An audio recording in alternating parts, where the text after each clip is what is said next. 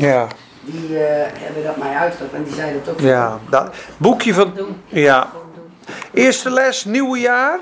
Halleluja. Daniel 7 en eh Jezaja 53. Nee, weet je, het is, dat is zo'n krachtig wapen. Dat is hetzelfde als je onder vuur ligt, weet je wel. En je hebt een mes en een paar stenen. Of je hebt een M60 in, in, in, in, in, de kaas leggen. En op een gegeven moment, dan, dan kom je er niet meer uit. Dan weet je niet wat je moet doen. Dan denk je, ja, ik trek aan de nood. Ik pak die M60 even. En dan ga je tongen bidden en dan je hoofd protesteert. Die zegt, wat moet je doen? En die wil een oplossing en die wil het bedenken. En dan ga je bidden en dan komt er ineens de Heilige Geest over je heen. En dan wordt het rustig en dan sta je op en denk je, joh, maak je niet zo druk. Dat is echt een krachtig wapen. En dat is maar één. Moet je slokje water, schat? Het kwam van de thee. Oh, oké. Maar dat, ik, ik bid het over je uit, ik wens het je. Ik weet dat er veel mensen in de Lighthouse ook zijn. Maar het is een doortastend gebed, dan krijg je het. Je moet niet vijf minuten daarvoor bidden. Je moet echt een keer een uur of twee uur gaan zitten met God. En, en hongerig worden en zeggen: Heer, ik wil gedoopt worden in de Heilige Geest. Ik wil doorbreken en dan ga je door en door en door. En dan voel je dat protesteren en dan komt het moment. En dan kan je het beste zijn nog met gezalfde broeders die voor je bidden. Dat die oven moet warm worden. En op een gegeven moment ineens pats word je aansteuken. En dan begint die rivier van binnenuit. Rokotata Purusias. Wat ben ik aan het doen? Zeg je al. Of dan ben je klanken. Ta, ta, ta, ta. En dan komt die rivier. En dat is wat Pinksterdag was. Dan word je gedoopt in de Heilige Geest dan neemt zoveel dingen gaan er gebeuren. Dat boekje van Tom de Wal geeft 50 redenen om te bidden in tongentaal. Ik zal ze volgende keer hier neerleggen. Maar als je nog niet in tongen bidt, vooral in de eindtijd, waar je voor je kiezen gaat krijgen. Hij dat wapen niet, hè? Ik denk dat je emotioneel bezwijkt op sommige punten. Dat denk ik echt. Kan ik er wat aan toevoegen? Ja, zeker. Eh, er waren vervolgde christenen in Rusland. Ja, En op een gegeven moment, ehm ze hadden groepen in Rusland, eh, werden de christenen gemarteld opgepakt. En op een gegeven moment ontdekten de Russische mensen twee eh soorten christenen. Christenen die te breken waren en je had een groep die niet te breken was. En uiteindelijk kwamen ze erachter, de groep die ze niet konden breken, ondanks alle marteling, waren degenen die in tongen spraken. En het eerste wat die ehm, deden, al was iemand gearresteerd, spreek je in tongen, oh, dan kon je gelijk naar het strafkamp, want daar gingen ze geen eens meer moeite voor doen. En die anderen wisten, die kunnen we breken, dus die werden gemarteld. Op een gegeven moment was er een splitsing tussen Hmm. degenen die in tongen spraken en niet. En Hmm. ja, die waren niet te breken. Ja, de eerste kerk was eigenlijk vroeger ook gedoopt met de Heilige Geest. En wat, wat wij nu vandaag zien, mensen komen tot bekering, die, die zien hun fouten in. Die keren zich tot God. Die zeggen, Heer, dat is absoluut fout, wees mij genadig. Die worden opnieuw geboren en vaak blijft het daarbij. Maar je, je hebt echt vier stappen. Je hebt bekering, één. Je hebt geloof in Christus, twee. Dan heb je doop in water. Dan stoppen heel veel mensen. Ik ben al gedoopt, hoeft niet. Oké. Maar de Bijbel zegt het. Ja? En dan krijg je doop, vervulling, Heilige Geest. Dat is de vierde. Dan is, dat is eigenlijk het volle pakket. En er zal waarschijnlijk nog wel meer zijn. Alleen ik zie heel veel mensen. Dan blijf je op natuurlijk vlak soms. Of je komt met Bijbelteksten en gebed en filosofie. Kom je bijvoorbeeld niet verder. Paulus bad, dat zal ik je zeggen, de hele dag in tongen. Er is een eh, de Yonggi Cho heeft de grootste, waarom we hierover praten weet ik ook niet, maar dat is in ieder geval mooi. De grootste kerk van de wereld heeft een miljoen leden. Die bidt vijf uur per dag, die man, voor alle zorgen. Die moet alles regelen. Die zei 80% van die tijd is tongentaal. Dus die bidt vier uur per dag in tongen. Maar zo een half uur, smiddags een uurtje. Wat gebeurt er als je tongentaal? Je geest gaat open voor God. Je, je hoofd gaat stil. Je wordt rustig, verkwikt, je krijgt diepe openbaring, diepe rust. Ik wist niet eens wat ik moest delen vandaag. Dan dacht ik, hoofdstuk 7 is zo moeilijk. Openbaring 7 is moeilijk. Ik heb een paar eh, dingen gelegen. Ik, ik wil het niet onderwijzen zonder dat ik het weet. Dus ik zeg op een gegeven moment, 144.000, hè, dat zijn Joden. Maar ja, zijn het geestvervulde christelijke Joden die het evangelie gaan brengen? Die dan toch mensen tot geloof gaan brengen en de hele gemeente gaat omhoog? Nou, we gaan straks in Daniel 7 gaan we gewoon wat dingen lezen.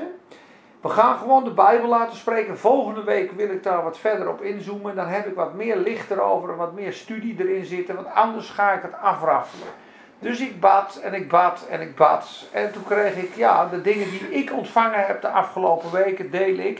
We beginnen straks met een paar mooie zegeningen uit Jezaja 53.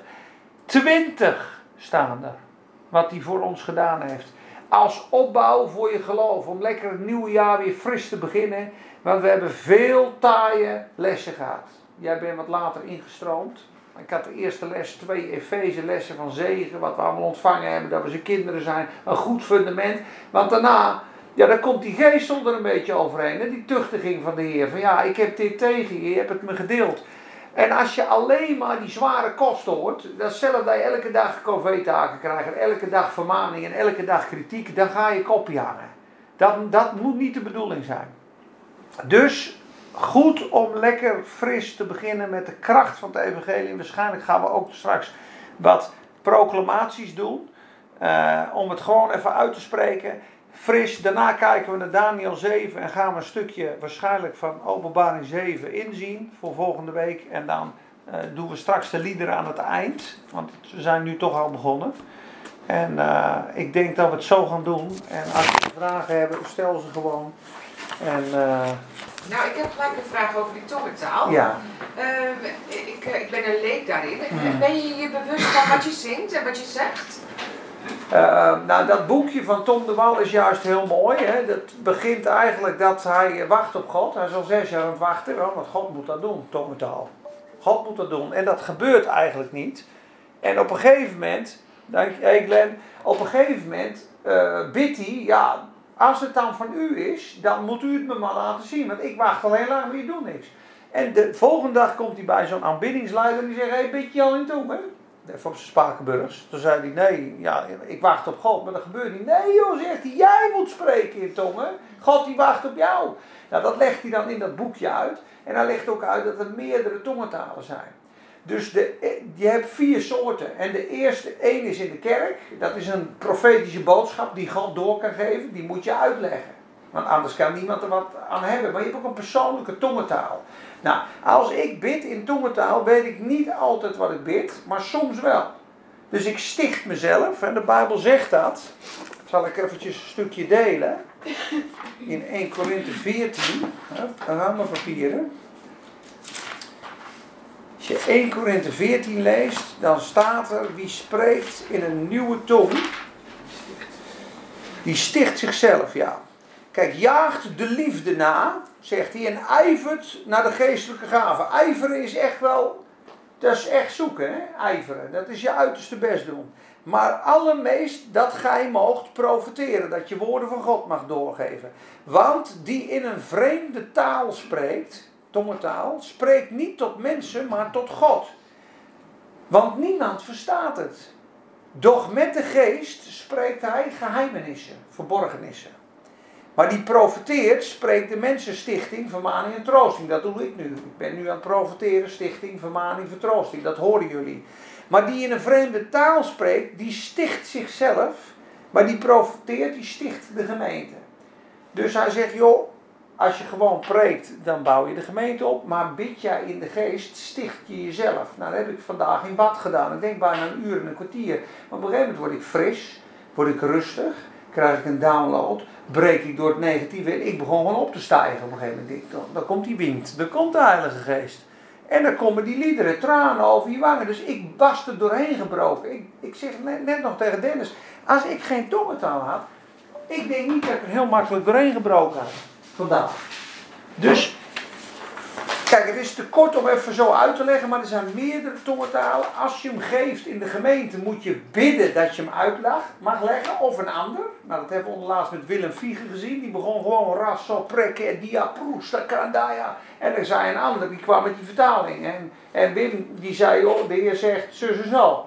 En oude Jaap begon in tongentaal te bidden voor Nathan bijvoorbeeld.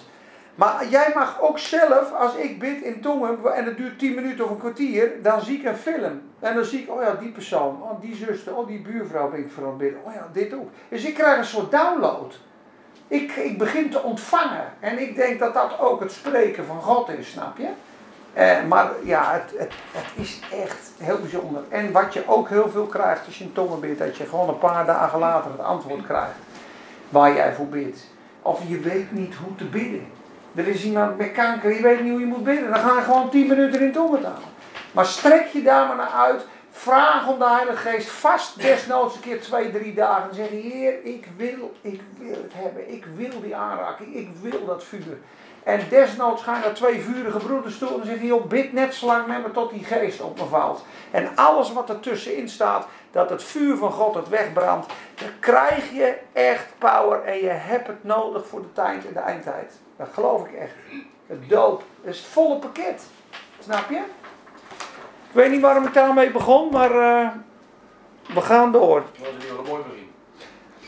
Nou, de telefoon. Oh ja, deze doet het gelukkig. Nou, dan zetten we deze aan. Deze filmen we. Naar mij toe, dan kunnen we dat op YouTube zetten. Zo. Oké mensen. Ik begin met een paar mooie zegeningen uit Jezaja 53. En ik was onder laatst aan het lezen, een paar weken geleden. Daar werd ik zo door geraakt en gezegend. Ik denk, jongens, dit gaan we delen. En dit is de kern van het evangelie. Sterker nog, dit hoofdstuk is in de Joodse Bijbel, ja, mogen ze eigenlijk niet onderwijzen. Daar staan een soort dwangen op, een soort straf op. Dit hoofdstuk, het, dat is de nachtmerrie van Satan. Kan ik je vertellen. Jezaja 53. En ik wil beginnen in vers 1. En hij begint, het is de profeet Jezaja. Wie heeft onze prediking geloofd? En aan wie is de arm van de Heer geopenbaard? Want hij is als een reisje voor zijn aangezicht opgeschoten. En als een wortel uit dorre aarde. Hij had geen gedaante noch heerlijkheid. Als wij hem aanzagen, was er geen schoonheid of gestalte dat wij hem zouden begeerd hebben. Hij was veracht en de onwaardigste onder de mensen. Een man van smarten en verzocht in ziekte, verzocht in krankheid. En ieder was als verbergende het aangezicht voor hem. Hij was veracht en wij hebben hem niet geacht. En nu komen de zegeningen. Waarlijk, hij heeft onze krankheden op zich genomen. 1. Onze ziekte. En onze smarten. 2. Ons verdriet die heeft hij gedragen. Wij achten hem dat hij geplaagd was en van God geslagen. De Joden dachten, dit is een ellendeling, die wordt door God gestraft. Dat is net zijn goede verdiende loon. Maar wat zegt vers 5? Maar nee, hij is om onze overtredingen verbond. 3. Om onze ongerechtigheden is hij verbrijzeld. 4.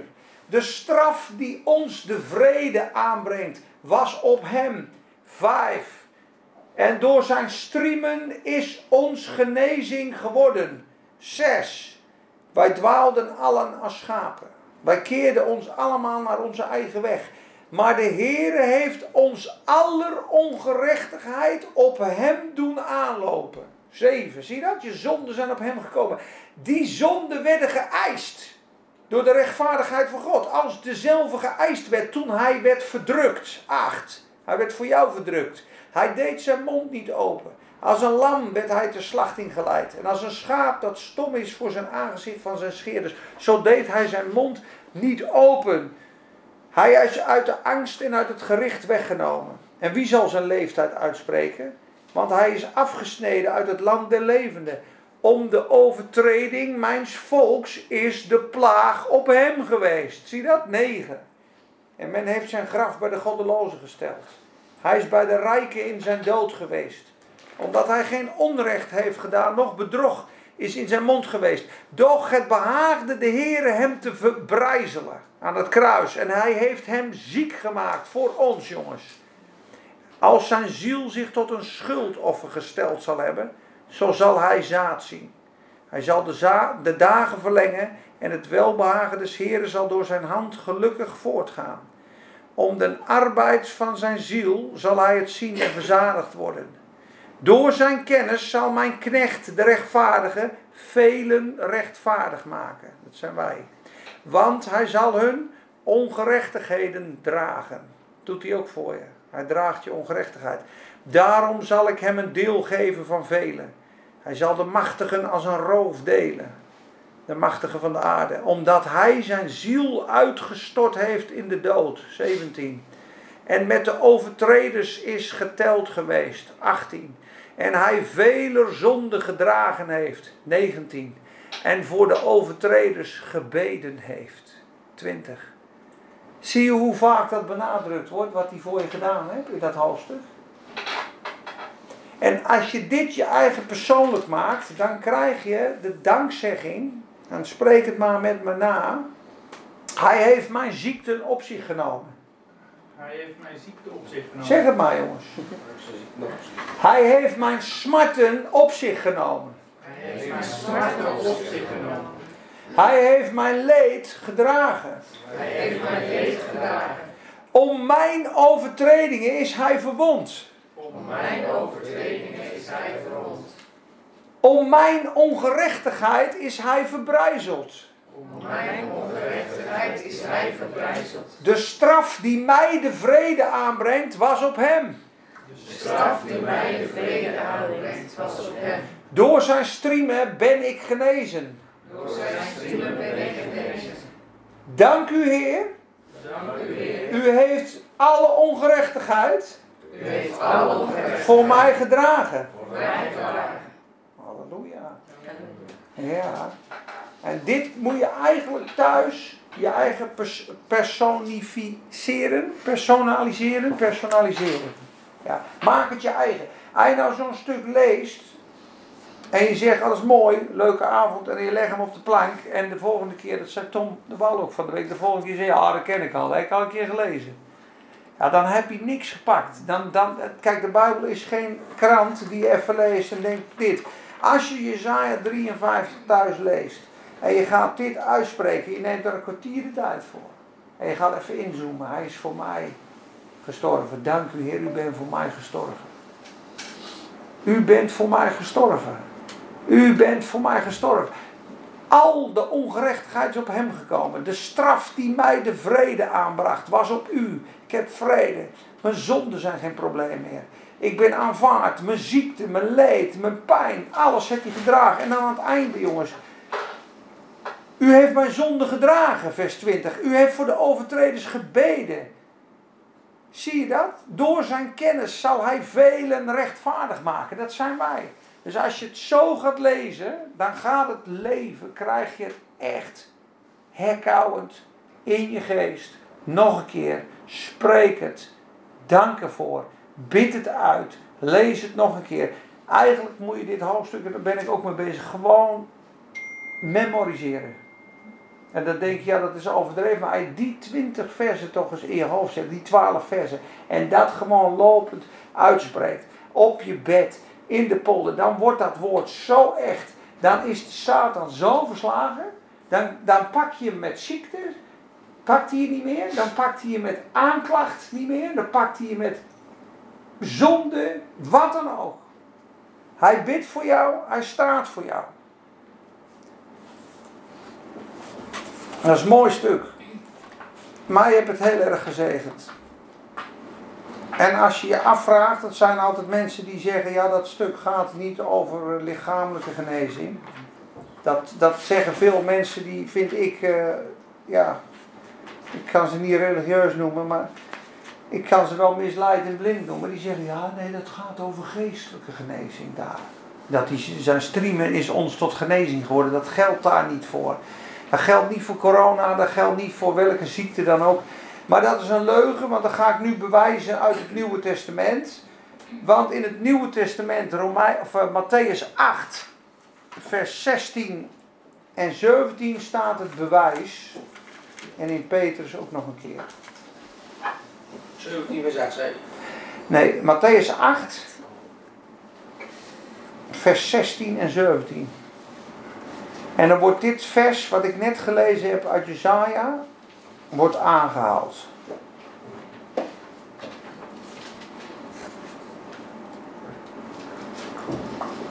Ik wacht even op iemand.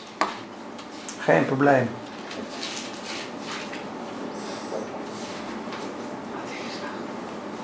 Matthäus 8. Ja. 16 en 17. En Jezus is de hele dag daar aan het genezen. Hij was bij de schoonmoeder van Petrus. En toen hij in het huis van de schoonmoeder was, heeft hij haar genezen. Dan s'avonds staat er in vers 16. En toen het laat geworden was, hebben zij velen van de duivel bezeten tot hem gebracht.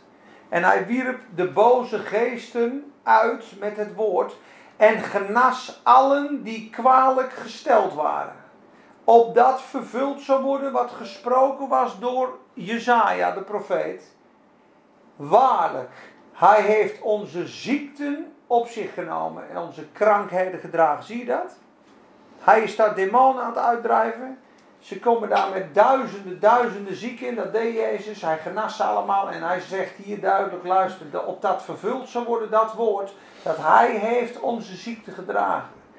Dus laat je niet beroven dat dat over alleen geestelijke genezing gaat. Want hij heeft betaald voor onze geestelijke zonden, voor onze lichamelijke kwalen en voor onze zielse pijnen.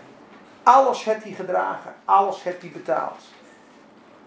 En om het nog een keer te bevestigen, en dat hoef je niet op te zoeken, is 1 Petrus, die kijkt terug. 1 Petrus aan het eind van je Bijbel, die gaat over Jezus praten. Die zegt, kijk, wat was dat voor een man, die Jezus? Die, die heeft geen zonde gedaan en geen bedrog is in zijn mond gevonden.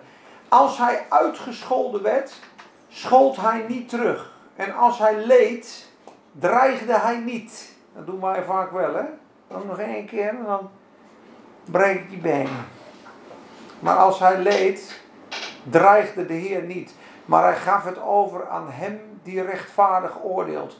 Die zelf onze zonden in zijn lichaam gedragen heeft op het hout.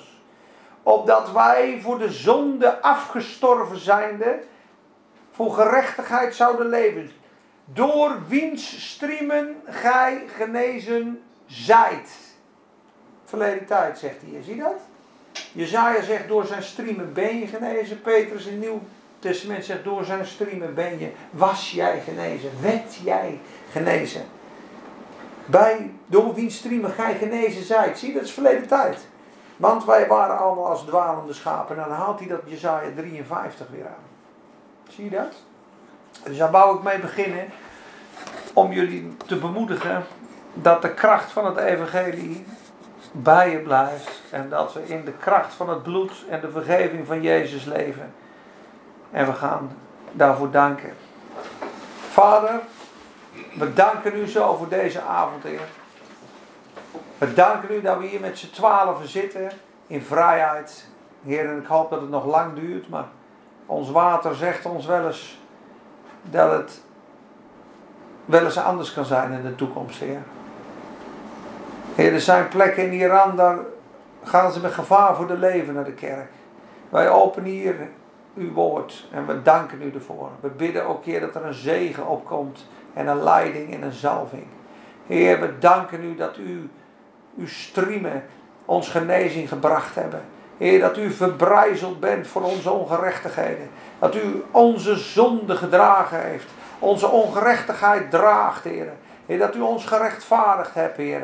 En dat u uw ziel als zondoffer gesteld hebt toen die geëist werd, Heer. En voor de overtreders hebt gebeden, voor ons hebt gebeden. U heeft de prijs voor ons betaald aan het kruis van Golgotha voor al onze misdaden, al onze zonden, al onze kwalen, pijnen, ziekte. U heeft het gedragen, Heer. En ik bid zo, Heer, dat die zegen over ons allen mag komen, Heer. Maar dat wij het zelf niet dragen. Heer, want u hebt onze zonde gedragen. En u hebt betaald met uw bloed en uw lichaam. En ook met uw striemen. En zo bidden we ook genezing uit over ons allemaal. Naar geest, ziel en lichaam. En bidden we, Heer, een waakzaamheid en een zegen. Ook in het onderwijs van vanavond, Heer. Heer, dat we wakker geschud worden, bemoedigd worden, gezegend worden en opgebouwd worden. Heilige Geest, wees welkom. En vul ons Amen. Ja, we gaan toch een klein liedje zingen. Ik krijg, ik krijg het gewoon binnen. We moeten even beginnen met 69.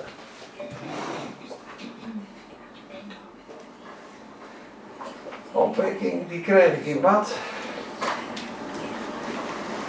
Is dit hem? Er is nu een serie aan het kijken. Hè? Een serie kijken, eh, oh, dat, dat stream je via je telefoon. Ik ben even 01, maar gisteravond ook dus over. Maar is echt, Ja. je al die mensen. Ja. En dat vond ik, dat vond ik wel heel grappig. want Gisteravond dat je begint ook zo weer over. Ja. Dat vond ik wel heel, eh, Ja. Geweldig, hè? dat vind ik wel, dat vond ik wel heel leuk. Zo.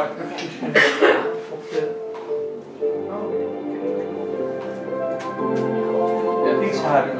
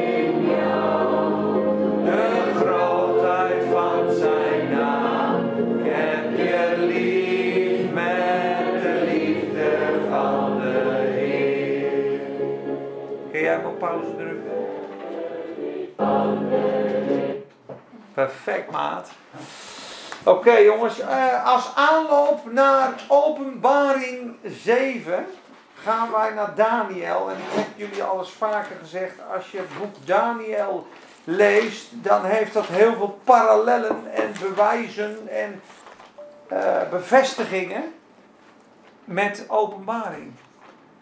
Ook Ezekiel spreekt over de troon van God. Ezekiel 1 kun je thuis ook eens lezen. Maar Daniel is super, super rijk, jongens. En Daniel krijgt natuurlijk een visioen. Dat hebben we de laatste keer gedeeld met dat beeld van Nebukadnezar. Ik weet niet of jullie dat nog weten. Maar die gouden, dat gouden hoofd was dat rijk van Babel, Babylon. En dan dat grote Medisch-Persische Rijk. Dan dat Romeinse Rijk. Dat viel uit in de voeten. En daarna de voeten van ijzer en leem. Daar zijn we nu. En de steen uit die berg wordt straks afgehouden zonder hand. Die rolt, dat is het koninkrijk van God. En die knalt het hele beeld omver. Dat betekent elke menselijke ordening, elke menselijke overheid, elk menselijk regeren op aarde wordt beëindigd. En hij zei 2600 jaar geleden tegen Daniel, er zullen vier koninkrijken komen. Allemaal duurden ze een jaar of 300. En dat was een groot machtig rijk, het Medo-Persische Rijk. En het Babylonische Rijk. En de Romeinse Rijk, wat denk je hoe machtig die waren? En toch is het tot een einde gekomen. En nu gaat hij over dat vierde dier praten. In Daniel 7. En dat vierde dier is, waar staan wij nu aan het begin? De vierde industriële revolutie noemen ze het ook. Maar het vierde rijk op aarde, ik schrok ervan toen ik het las, zal een totaal ander koninkrijk zijn als alle koninkrijken die gewild, gewe- ge- ge- geweest zijn. En het zal de hele aarde vernietigen. Vers 7, vers 23. We gaan het eventjes lezen. Ik weet niet of ik alle versen ga lezen. Ik lees voor jullie uit mijn. Nou, laat ik maar naar mijn statenvertaling lezen. Maar hij krijgt dus een teken van vier dieren. En dat is zo diep en zo rijk, dat is de hele wereldgeschiedenis. Daniel, hoeveel? Daniel 7. In het eerste jaar van Belshazzar, de koning van Babel, zag Daniel een droom. En gezichten van zijn hoofd op zijn bed, op zijn leger staat hier. Toen schreef hij die droom op en hij zeide de hoofdsom van de zaken. Daniel antwoordde en zei: Ik zag in mijn gezicht in de nacht en zie vier winden des hemels braken voort op de grote zee. En er klommen vier grote dieren op uit de zee en het ene van het andere verscheiden. Het, verschil, het verschillende van het, het een van het ander. De eerste was als een leeuw en hij had arendsvleugelen. En ik zag toe tot zijn vleugelen werden uitgeplukt. En het werd van de aarde opgeheven en op de voeten gesteld als een mens. En aan, dat, aan datzelfde mens werd een mensenhart gegeven. Daarna zag ik het andere dier, het tweede, was gelijk als een beer en stelde zich aan de ene zijde. En het had drie ribben in zijn muil tussen zijn tanden. zijn allemaal profetische beelden. En men zeide al dus tot hetzelfde: Sta op, eet veel vlees. Ik ga het even in de herziene statenvertaling doen, jongens, voor jullie, want het is iets te oude taal. Sorry. Het is iets te oude taal, dit. Oké, dan gaan we verder.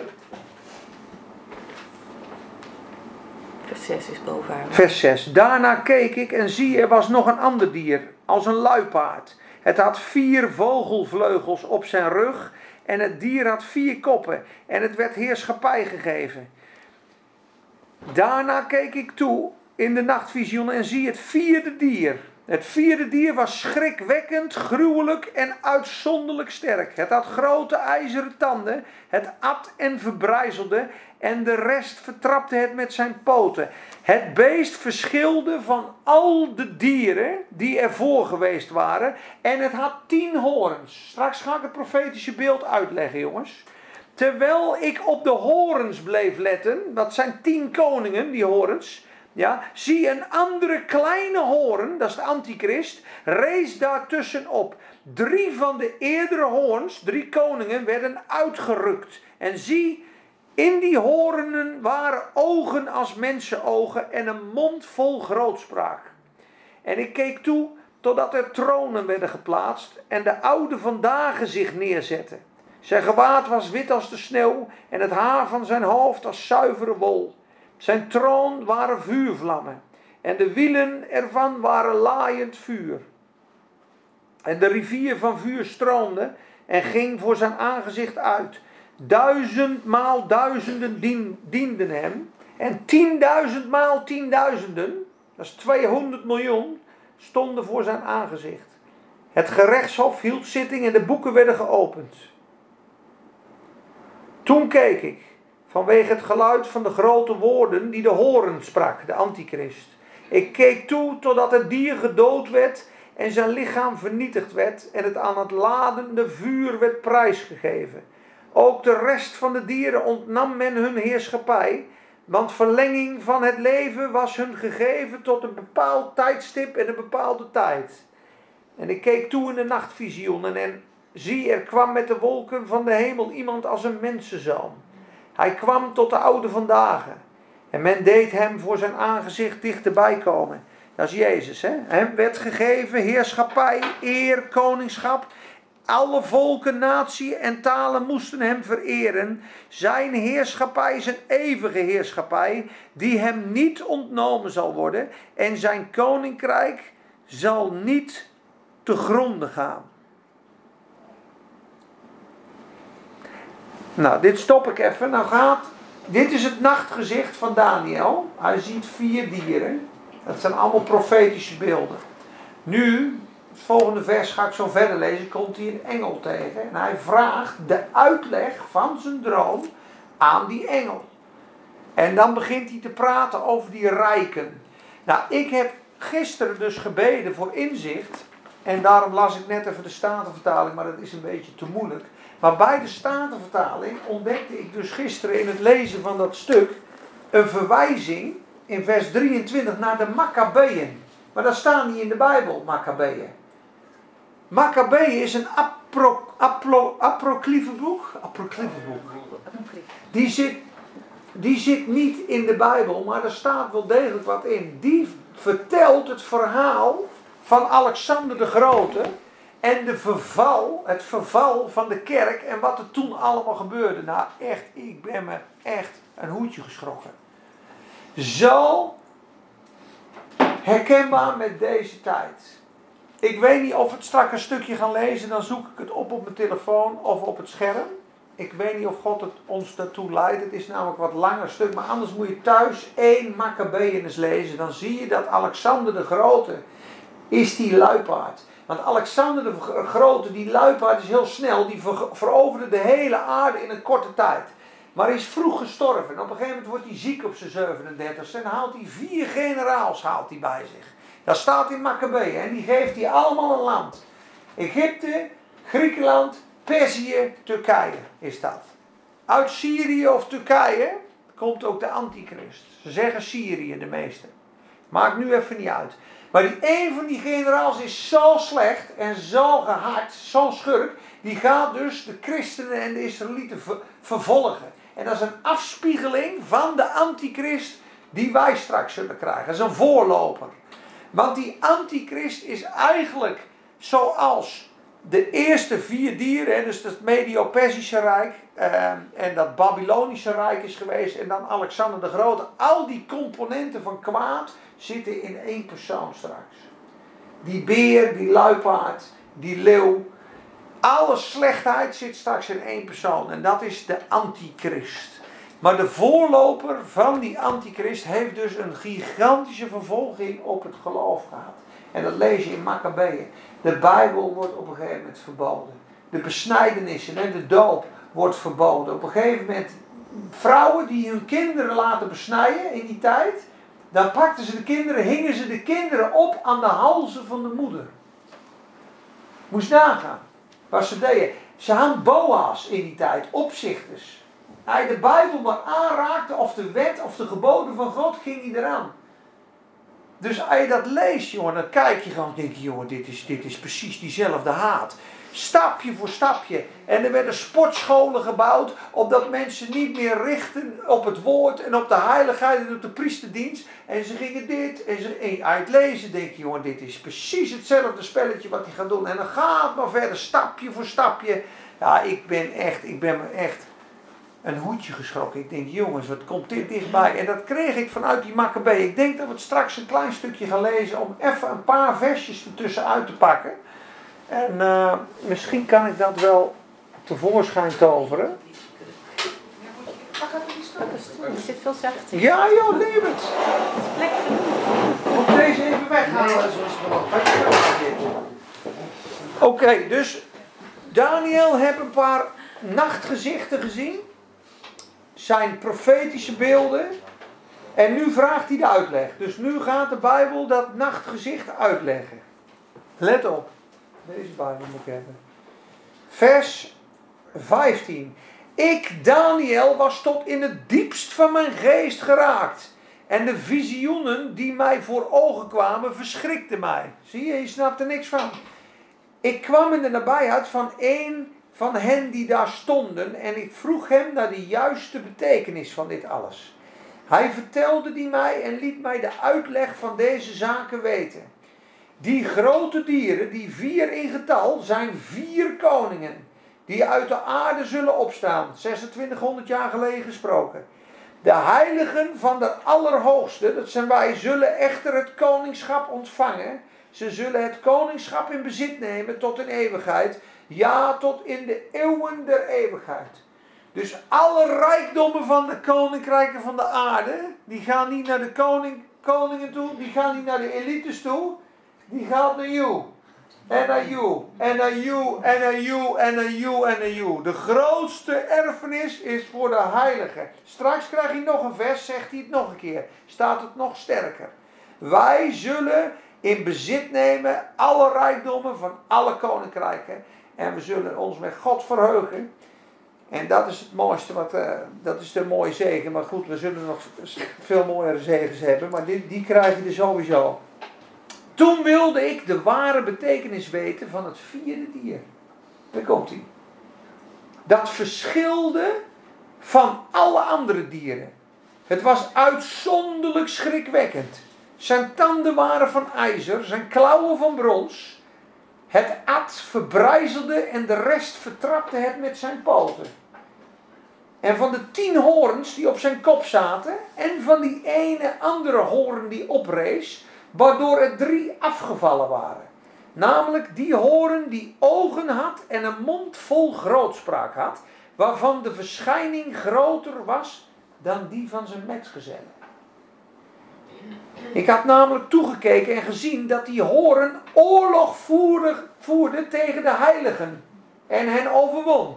Dus hier komt de vraag over de, over de wederkomst en over de grote verdrukking. Waarom kan die antichrist, ja, die horen, strijden tegen heiligen? Zijn ze dan nog op aarde? Ja? Of zijn het nieuwe heiligen? Dat is nou de vraag. Sommigen zeggen de kerk gaat omhoog. Dan gaan de joden uit elke stam gaan over de aarde gaan verkondigen over Jezus. En alle mensen die dan tot geloof komen. Dat zijn de heiligen. Die worden onderdrukt door de antichrist. Dat is een uitleg. Ja, dat kan. Dat kan. Ja, en dat, dat zou zeker kunnen. Ze hebben allemaal wel wat. Eh, waarheid, alleen wij hebben gezegd, er staan iets te veel teksten over wees waakzaam. Wees waakzaam, want je weet niet wanneer die dag is. Wees waakzaam. Ik wou er nog een paar opschrijven, maar ik denk, laat, laat ik dat maar zitten. Kijk, wij zien, eh, wat, ik, wat ik zie, nee, laten we dat maar een andere keer delen. Laten we, laten we dat even overslaan, want anders wordt het te moeilijk. De wederkomst is een moeilijke iets. We hebben de voor en de na en de tussen. Maar één ding is zeker, zeggen we altijd: wees waakzaam. Hou je lamp vol. Wees als mensen die op hun Heer wachten.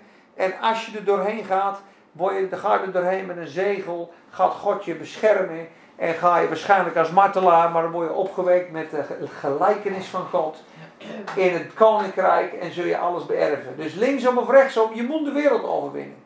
En of de Satan je doodtrapt, of dat je vermoord wordt voor je geloof. Je gaat naar Jezus, je gaat naar het koninkrijk. En je ervoor gaat, voor de grote verdrukking, om dan die bruiloft te vieren, geweldig. Ga je er doorheen, dan weet je, de Heilige Geest is met je, maar dan ga je gewoon tot het gaatje. En straks staat er zelfs, de heiligen werden drieënhalf jaar in zijn hand gegeven. Staat in vers 25.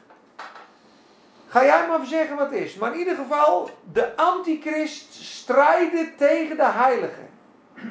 Dat zie je, vers 21. Hij had namelijk toegekeken en gezien dat die horen oorlog voerden tegen de heiligen en dat hij hen overwon. Dat betekent dat ze vermoord worden. Totdat de oude vandaag kwam. Dan komt de Heer Jezus even langs. Maatje. Dat antichristje die wordt straks gelijk in de hele bliksemt. Even op zijn Spakenburgs gezegd. Totdat de oude vandaag kwam.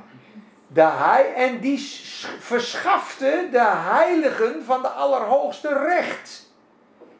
En het tijdstip was bereikt dat de heiligen het koningschap in bezit namen. Zie je dat? Dat God heeft een tijd gesteld dat wij het koningschap in bezit nemen. Nou zijn wij gekocht door het bloed van het lam. Maar nou wil hij dat we vervuld worden met de Heilige Geest. Dat we opgroeien als koningen. En dat we regeren over de zonde, de ziekte, de Satan, de wereld en de vervolging. En dan wil hij dat je koning wordt daarin. Dus als je, ik zeg, als je in je pamper blijft zitten, ja, kan het wel eens zijn dat de Heer zegt, je moet, moet nog de strijd met de antichrist winnen, maat. Maar je hebt ook mensen die hebben die Satan al volledig onder hun voeten. Die bidden die hele wederkomst en de eindtijd bidden ze uit. En die staan net als Daniel voor God op nummer 1. En Daniel, kijk maar Daniel 2, bleef in het koningshuis, staat er. Terwijl zijn drie vrienden in de oven gaan. Dus wat haal ik daaruit? Daniel was al in het koningshuis. Ja, de waakzamen gaan ervoor. En zijn vrienden zijn toch door de verdrukking heen gemoeten. Want die staan bij die vurige oven van Nebukadnezar. En dat correspondeert met het beeld uit openbaring 13. Straks wordt er een beeld opgericht. Kniel jij niet? Kopje eraf.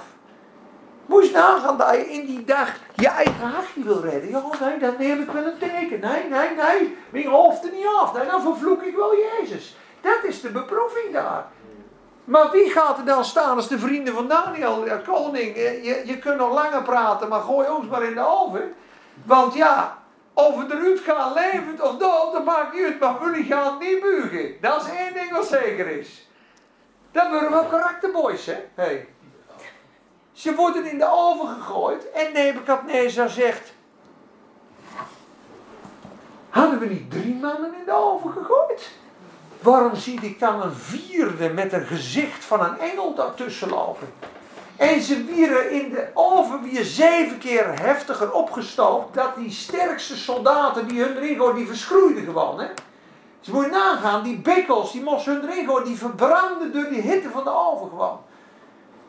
En die gingen gewoon. Moet je nagaan dat je marinier bent, gooi ze maar in de oven, kom je gewoon niet meer thuis. Goh. Dat is wat, hè? Hun kleding stonk niet, hun haren waren niet aangeraakt door het vuur. God had ze verlost. Dat is een beeld van de eindtijd. Dat is een beeld als je straks kan staan. Hoe bedoel je teken? Hoe bedoel je beeld? Hoe bedoel je buiging? Kopje eraf. Hakken moet je. En dan moet je klaar wezen. Dan moet je vol wezen van de Heilige Geest. Want ben je half vol en loop jij te emmeren, dan kan je maar zo een andere keuze maken. En ik ga je niet zeggen dat je verloren gaat, want ik geloof dat God iedereen redt die in het boek geschreven staat. Maar dat ben ik. Er staat, iedereen zal het teken aannemen, tenzij degene die geschreven staan in het boek van het lam, van het begin van de wereld. En ze worden gemerkt op hun voorhoofd. Als het mogelijk was, werden zelfs de uitverkorenen misleid. Als het mogelijk was. Dus ik geloof dat God trouw is daaraan. Maar goed, daar zijn de meningen over verdeeld. Laten we dat ook in het midden houden. Er zijn nogal wat uh, dingen, uh, verdelingen. Maar dat je trouw voor God staat als de vrienden van Daniel is een, is, is een feit. Ja? En God gaat voor ons strijden straks.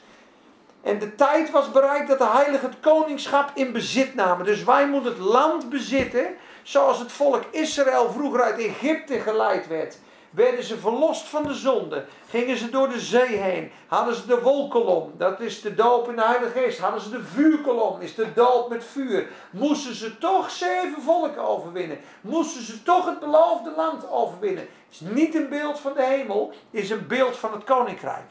Het koninkrijk van God beërven. Het land in bezit nemen. Samen met Jozua. Weet je dat nog als ze Jericho in moesten nemen? Daar waren reuzen.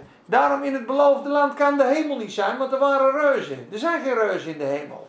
Het is een beeld van het koningschap wat wij moeten beërven door wandel met God. We moeten oorlog voeren over de Satan. We moeten de Satan overwinnen. En de zonde en de wereld.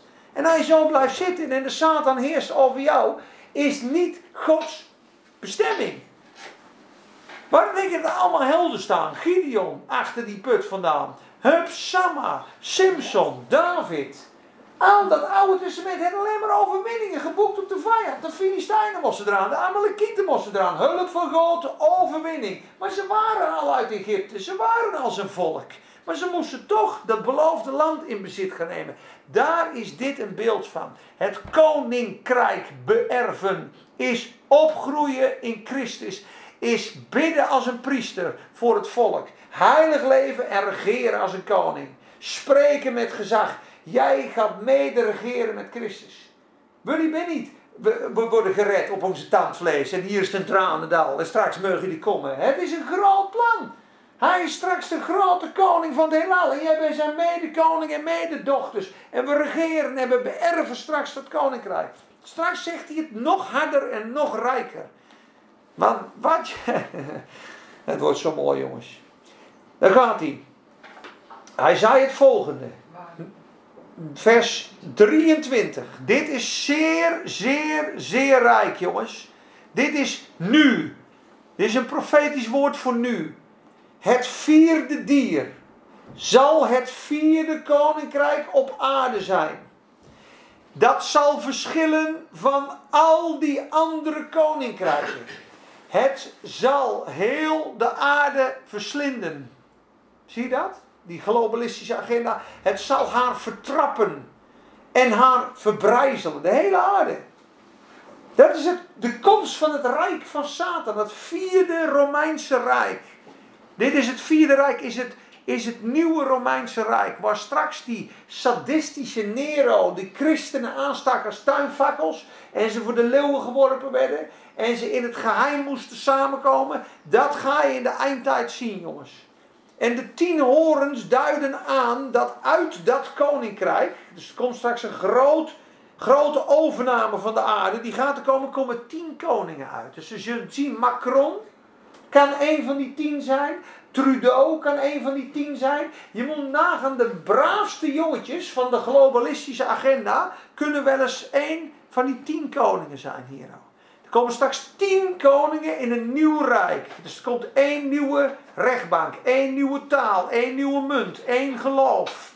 En dan wordt Christus en de Bijbel wordt haatspraak. De Bijbels waren trouwens ook in Maccabeeën, moesten verbrand en, ver, en verdelgd worden. De wet van God, de boekrollen. Misschien zullen we straks een stukje lezen. Ik denk dat we het moeten doen. Willen jullie dat ook? Even een Maccabeeën saus straks eroverheen? Graag, eh, Peet. Interessant. Perfect, dank je. De tien horens duiden aan dat dat koninkrijk tien koningen zullen opstaan. De een en na hen zal een ander opstaan. Wie is dat? Wie uit die tien koningen komt? Jongens, wie is dat? Dat is dat horentje. Dat is die horen die die drie koningen weg gaat duwen en zelf gaat zijn. Dat is de antichrist. Dus straks is de globalistische rijk, zijn er tien koningen. En uit die tien komt er één bij, die dondert er drie aan de kant. Waarschijnlijk ben ze niet ziek genoeg. En die is de an- antichrist. En samen met de paus en de Rooms-Katholieke Kerk gaan ze over de aarde dat plan uitrollen. Zo heftig. En dat allemaal in de Bijbel. En de tien horens duiden aan dat uit dat koninkrijk tien koningen zullen opstaan. En na hen zal een ander opstaan, die zal verschillen van die er eerder geweest waren. Drie koningen zal hij vernederen. Zie je dat? Dat is die horen. Woorden tegen de Allerhoogste zal hij spreken. Dat is de antichrist. De heiligen van de Allerhoogste zal hij te gronden lichten. Zie je dat? Hij wordt onthoofd. Hij zal erop uit zijn bepaalde tijden en wetten te veranderen. Wat gebeurt er nu op dit moment? Niks anders dan weer te veranderen. Tijden en wetten worden veranderd. Straks gaat zelfs de geboorte van Christus gaat hij natuurlijk ontkennen. Hoe bedoel je? De tijd begint bij mij, zal hij waarschijnlijk zeggen. Wetten zal hij veranderen. En moest nagaan wat hier staat. En de heiligen zullen in zijn hand worden overgegeven. Voor een tijd, tijden en een halve tijd. Dat is 3,5 jaar. Volgende week gaan we er dieper op in. 1260 dagen. De vrouw kreeg vleugels en werd verzorgd in de woestijn buiten het gezicht van de draak. Dus dat volk van God wordt verzegeld en beschermd. Dus dat, deze les wou ik doen, maar ik vond hem te moeilijk. Dus ik heb hem overgeslagen. Dus we hopen, bid maar voor veel licht. Dat we volgende week nog wat, wat, wat inzichten krijgen. Maar dit is, vond ik zo frappant. En dit kan heus wel aan het Joodse volk geschreven zijn. Dat dit zijn Joodse heiligen die door de verdrukking heen moeten. Ik weet het niet. Maar het kunnen ook christenen zijn. Maar er staat gewoon, zij worden voor 3,5 jaar in zijn hand gegeven. Dat is apart hè. Maar dan, daarna zal het gerechtshof zitting houden. Men zal hem zijn heerschappij ontnemen. En dan krijgt de antichrist een pak. Hem verdelgen en volledig vernietigen.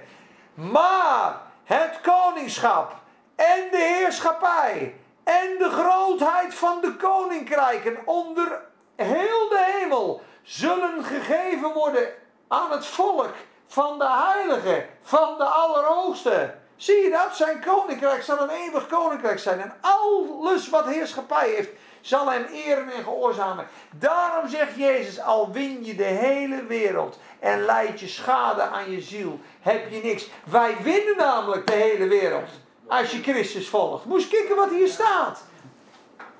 Maar het koningschap en de heerschappij en de grootheid van de koninkrijken onder heel de hemel zullen gegeven worden aan het volk van de heiligen van de Allerhoogste. Nou, daar zijn wij echt bij, jongens. Zie je dat wij door lijden heen, door de dood heen, straks met Christus gekruisigd worden. Christus is gestorven en zo moeten wij ook sterven, jongens. En, en, en we moeten sterven aan ons vlees, sterven aan onszelf. En het kan zo zijn, maar het is echt zo, jongens. Alle discipelen hebben een marteldood of een, een, eh, een, eh, een, een, een, een martelaarsdood gestorven. Ja, Johannes. De- Johannes en ze willen koken in een pot. En die, en die niet.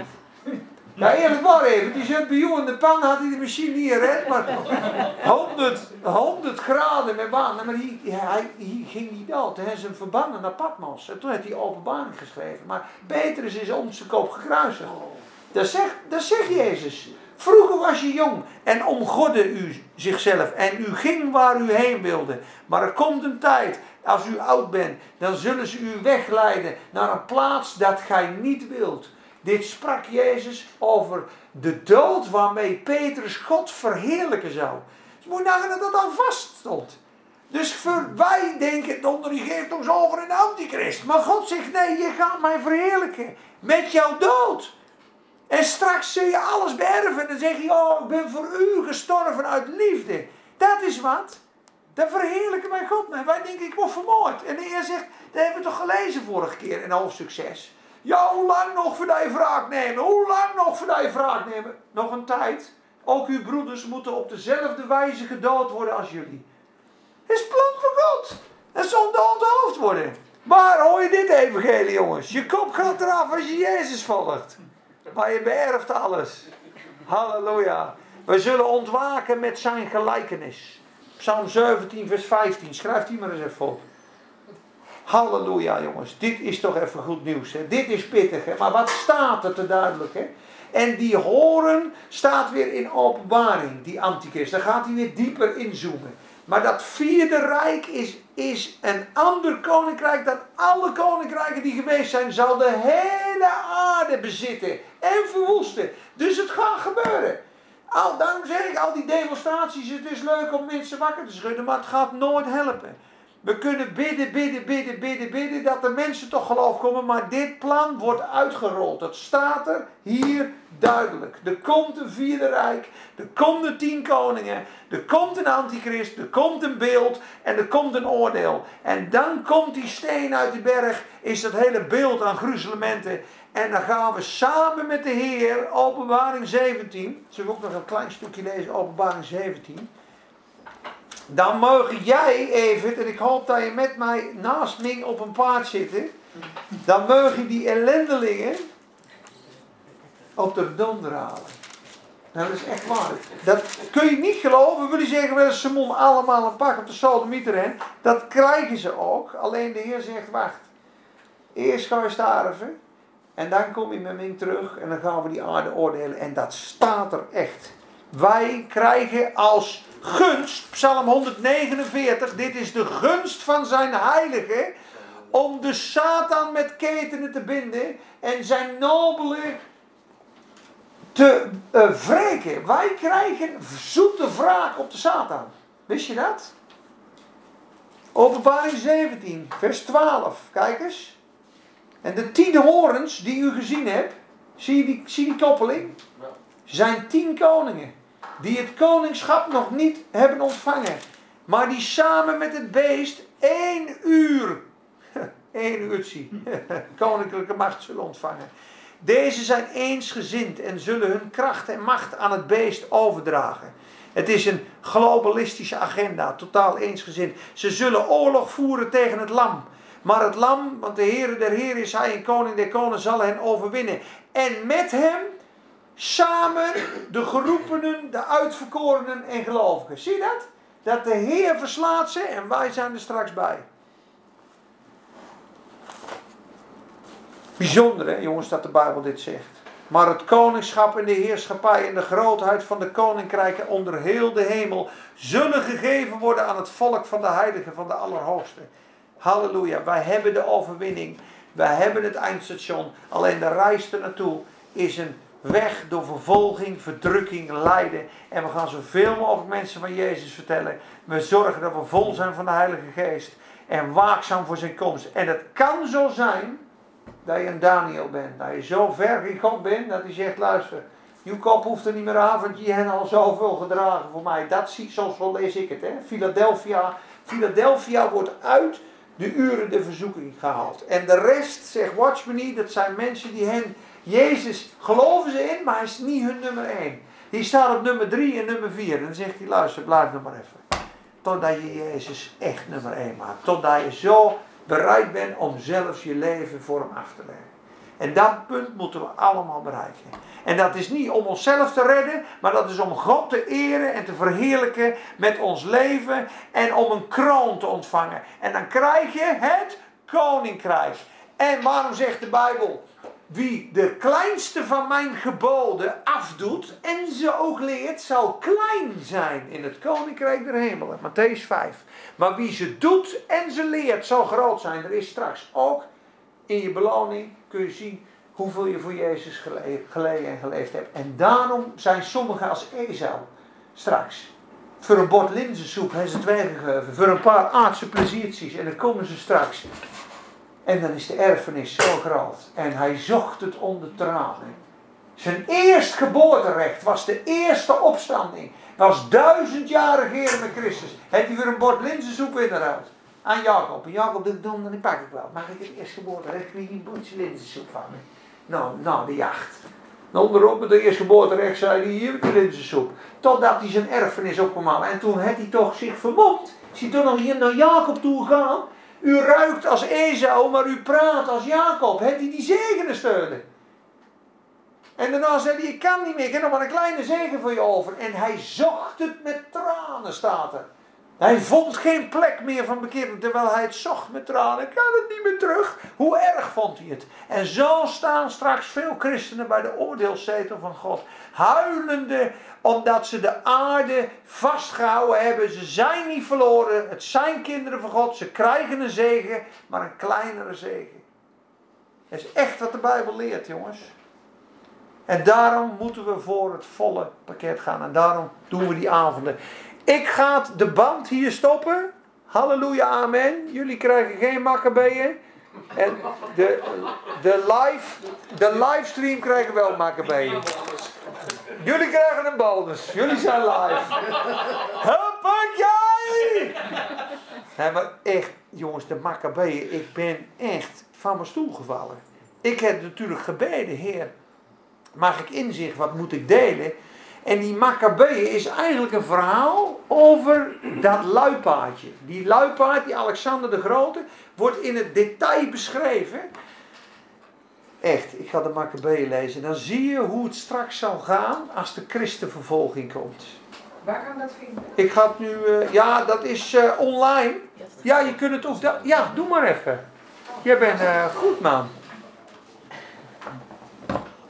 Ja. Statenvertaling.nl .net, ja. Heb je daar ook Apocryfe boeken links. Ja. Ja, scrollen maar. Ja, je bent er al. Oh, Even naar beneden. Ja, één Maccabeeën. Kijk, die heeft gewoon drie boeken. We hebben hem toevallig. En dan één. Ja. Nou. Dit is net, eh, jongens, ik zal hem even draaien. Eh, kunnen jullie dat zien? Dat is dan spiegelbeeld. Ja, anders moet je hem thuis maar even meelezen. Ik zal het proberen hardop te lezen. Maar moet je kijken. En het geschiedde nadat Alexander, de zoon van Philippus, de Macedoniër, die uit het land Gittim uittocht, Darius de koningen, de Persen en Mede verslagen had. Zie je, die heeft het Medische Persische Rijk heeft hij gepakt. En in zijn plaats als koning regeerde, nadat hij tevoren in Griekenland geregeerd had. Hij voerde vele veldslagen en sterkte bemachtigde hij en vele koningen der aarde versloeg hij. Hij doortrok tot aan het uiterste der aarde de grote buit verkreeg en grote buit verkreeg van menigte der volken en dat het land voor hem stil was. Zijn hart werd zeer verhoogd en verheven. Dit is Alexander de Grote. En hij vergaderde zeer sterke krijgsmacht bijeen en veroverde landen, volken en heerschappijen. En ze werden hem seinsbaar. Wat, wat deze? Accijnzen, heffingen, belasting, leegstelen. Gaan ze straks weer doen. Die hele aarde, die wordt helemaal leeggestelen straks. Met energie en gas en prijzen en dingen. Daarom spreekt openbaring met dat zwarte paard een handje eh, meel voor een, voor een dinaris. Dat betekent een dagloon voor een brood. 100 euro een brood. Daar gaat het naartoe. Dan, dan krijgen ze je wel klein ja, en je zit aan je rekening niet meer kunnen betalen. Ja, doe, ja, doe maar. Ja. Doe nog maar een spuit of vijf. Ja. ja, tuurlijk. Ik lust er wel, ja. Hij moet maar eten geven. Ja. Zijn beste mee voor. Maar goed. Na deze viel hij te bed. En wetende dat hij sterven zou, riep hij zijn dienaars, de edelsten die van zijn jeugd aan met hem opgevoed waren, en deelde hun zijn koninkrijk uit terwijl hij nog leefde. Dat zijn die vier vleugels, dat rijk is in vier delen gevald, gevallen. Sorry, gevallen. En Alexander regeerde als koning twaalf jaar en stierf. En zijn dienaars regeerden en ieder in zijn plaats. Nadat hij gestorven was, zetten zij alle koninklijke hoeden op en hun zonen na hen vele jaren. En ze vermenigvuldigden de ellendigen in het land. Uit hen is voortgekomen een zondige namelijk Antiochus Epiphanes. Dit is hem. Die heeft ook qua bijbelse tijd en lijn exact zoveel dagen en jaren geregeerd. 1260 dagen. Dat is een profetisch beeld van de eindtijd. Deze man is een afspiegeling van de antichrist. En die was zeer wreed. De, de zoon van de koning An- Antiochus die binnen Rome gijzelaar was geweest. Hij regeerde als koning in het 137ste jaar in het Rijk der Grieken. Let op. In die dagen gingen uit Israël enige boze kinderen die vielen velen aanrieden, zeggende: Laat ons heen trekken en een verbond oprichten met de heidenen die rondom ons zijn. Die worden wereldsgezind. Kijk, afval. Want van die dag af dat wij van hen gescheiden zijn, hebben ons vele ellende getroffen. En dit woord dacht hun goed voor hun ogen. Dus hier zeggen ze: we worden verdrukt. We doen niet meer mee met het systeem. Het wordt tijd dat we gewoon aan het systeem gaan meedoen, want het is alleen maar ellende sinds we gebroken zijn met hun. Zie je dat? En ze vermenig, de, eh, even kijken. En sommigen van het volk waren volvaardig en trokken naar de koning. En hij gaf hun macht om de heidingen inzettingen te plegen. En ze bouwden te Jeruzalem een school naar de wetten der heidenen. Er staat een sportschool in een andere vertegenwoordig, of, eh, eh, vertaling. Kan je hem iets scrollen? Ja. En zij maakten zichzelf voorhuiden en vielen af van het heilig verbond en voegden zich bij de heidenen en waren verkocht om het kwade te doen. Zie je dat? Dat is de afval. Nou, ik ga even kijken of ik nog een paar... Ja, ik heb vorige keer... Ja, laat, laat maar even doorlezen jongens, dat maakt niet uit. Het is, het is echt heel rijk wat je zo gaat zien. Vers 23.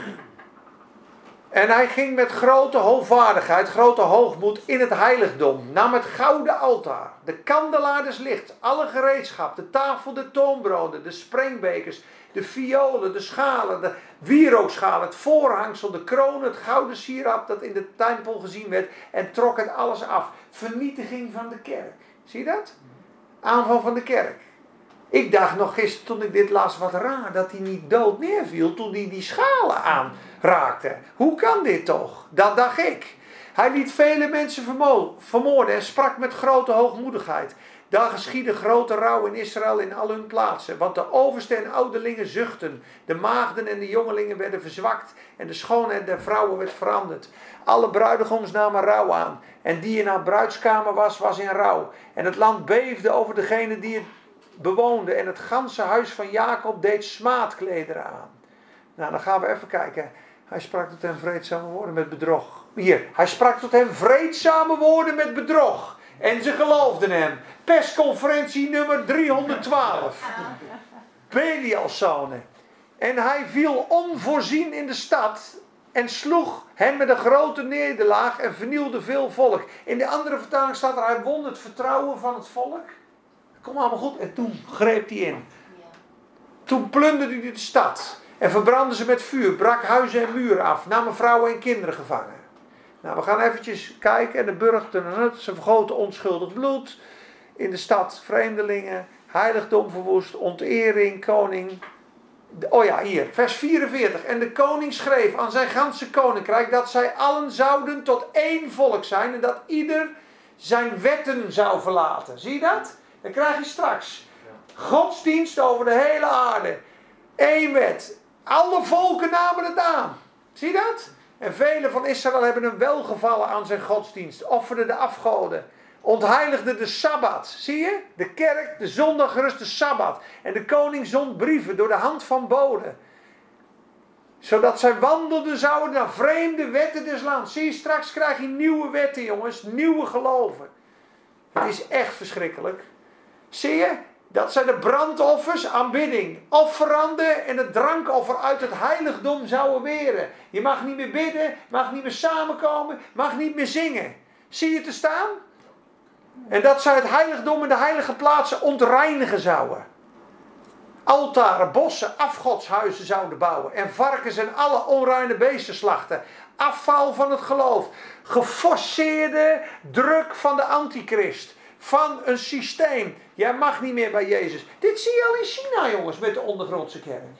Dit zie je al in Afghanistan als je met je Bijbel loopt. Wie niet zou doen naar het woord des konings zou moeten sterven.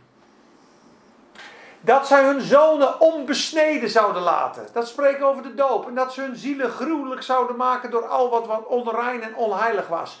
Werelds. Ze willen dat je slecht wordt, werelds wordt, Babylonisch wordt. Kijk maar porno, ga maar mee met Babylon. Doe maar lekker onheilig en zorg in ieder geval dat je niet meer in de heiligheid van God bent. Zie je dat dit de afval is, geforceerd door de antichrist? Jongens, jongens, jongens, jongens. En in de deuren van de... Ja, ze verbrandden de boeken de wet. 60, zie je dat? Die ze vonden, nadat ze ze verscheurd hadden. En waarbij iemand gevonden werd, het boek des verbonds. Dus als je een Bijbel in huis hebt, zo iemand de wet toestond die doden zijn naar het bevel van de koning door geweld. Zo deden zij aan Israël, aan al degenen die gevonden waren van maand tot maand. En de vrouwen, vers 64, die haar kinderen lieten besnijden ze. Besnijden doden zij naar des konings bevel. En ze hingen de kleine kinderen op aan de halzen van de moeders. Hoe barbaars en ziek was die gozer. Je kinderen ophangen aan de halzen van de moeder, omdat ze zich lieten besneden. Dus je moet nagaan dat straks als je voor Jezus kiezen, dat doen ze in Noord-Korea dit. De kinderen worden opgehangen voor de gezichten van de ouders. Onderlaats. Zweer je Jezus af? Nee hoor, we zien je zo. Ik heb het nog gedeeld. En een stoommaal zal er zijn, hè, Evert? Twee, Rima, zei ze. Klats, hartstikke plat. Gebeurt nu in Noord-Korea. Kinderen ophangen voor je eigen ogen. Ja, je zou ze toch in de fik steken allemaal. En toch ben ze trouw gebleven. Dus God geeft ook genade in dat uur, jongens. Daar ben ik ook van overtuigd. Maar nu komt hij. Doch velen in Israël zijn versterkt geworden. Vast voornemende niet te eten de onreine dingen. Die handballen. Zij verkoren liever te sterven. Omdat zij zich niet zouden besmetten met de spijzen. Nog het heilig verbond ontheiligen. En zijn gestorven. En de toon des konings was groot over Israël. Vind je dat niet een ontzettende eh, afspiegeling voor de tijd waarin we leven? Eén Maccabeeën. Jongens, zijn nog vragen? Heb ik gehoord het van je. Niet normaal, hè? Zo zal het straks gaan. Maar Peter, mag ik over iets zeggen wat ik, eh, eh, wat ik in, in mijn hart kwam? Jij zei over die antichristen en